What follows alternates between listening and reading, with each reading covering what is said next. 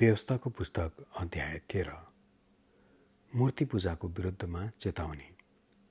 तिमीहरूका बीचमा कोही अगमवक्ता वा कोही स्वपनदर्शी चमत्कारी चिन्ह वा आश्चर्य कर्म देखाउन तत्पर हुन्छ र त्यसले भनेको चिन्ह वा चमत्कार घटेपछि तिमीहरूले नचिनेका अन्य देवताहरूका पछि लागौ र तिमीहरूको पूजा गरौँ भनी त्यसले भन्यो भने तिमीहरूले त्यस अगमभक्ता वा स्वपनदर्शीका कुरा नसुन्नु। त्यो त तिमीहरूले परमप्रभु आफ्ना परमेश्वरलाई आफ्ना सारा हृदय र प्राणले प्रेम गर्छौ कि गर्दैनौ भने उहाँले तिमीहरूको जाँच गर्नुभएको हो।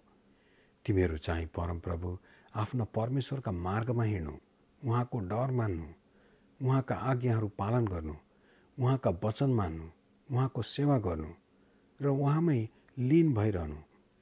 तर त्यो अगमवक्ता वा स्वपनदर्शी मारिनुपर्छ। किनकि दासत्वको देश मिश्रबाट मुक्त गरेर ल्याउनुहुने परमप्रभु तिमीहरूका परमेश्वरले आज्ञा गर्नुभएको मार्गबाट तिमीहरूलाई बहकाउनलाई त्यसले तिमीहरूलाई उहाँको विद्रोह गर्न सिकायो। यसरी तिमीहरूले आफ्ना बीचबाट दुष्टता हटाउनुपर्छ।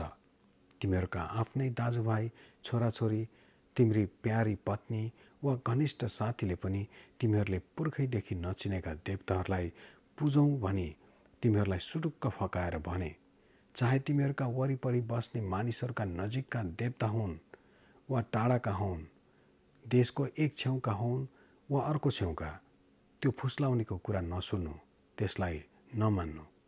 बरु माया नगरी ढाकछोप नगरी वा नजोगाए तिमीहरूले त्यसलाई निश्चय नै मारिहाल्नुपर्छ।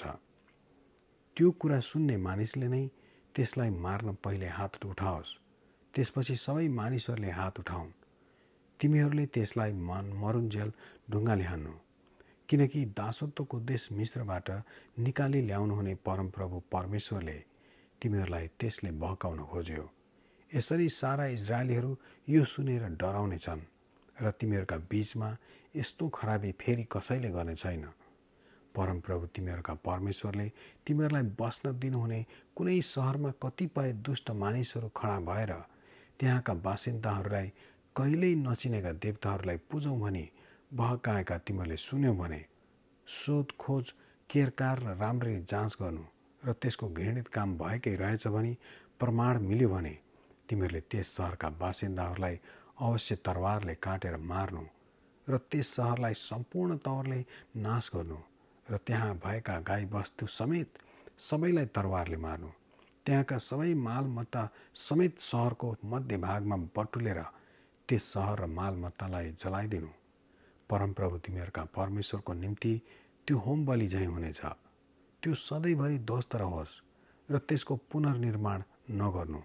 निषेध गरिएको कुनै पनि थोक तिमीहरूले नलानु र परमप्रभुको भयानक क्रोध शान्त हुनेछ। तिमीहरूमाथि दया र करुणा देखाएर तिमीहरूका पिता पुर्खासँग गर्नुभएको प्रतिज्ञा अनुसार उहाँले तिमीहरूको वृद्धि गर्नुहुनेछ। किनभने परमप्रभु तिमीहरूका परमेश्वरका आज्ञाकारी भएर आज दिएको मेरो आदेश अनुसार तिमीहरू उहाँका सबै आज्ञाहरू पालन गर्छौ र उहाँको दृष्टिमा उचित काम गर्छौ। आमेन।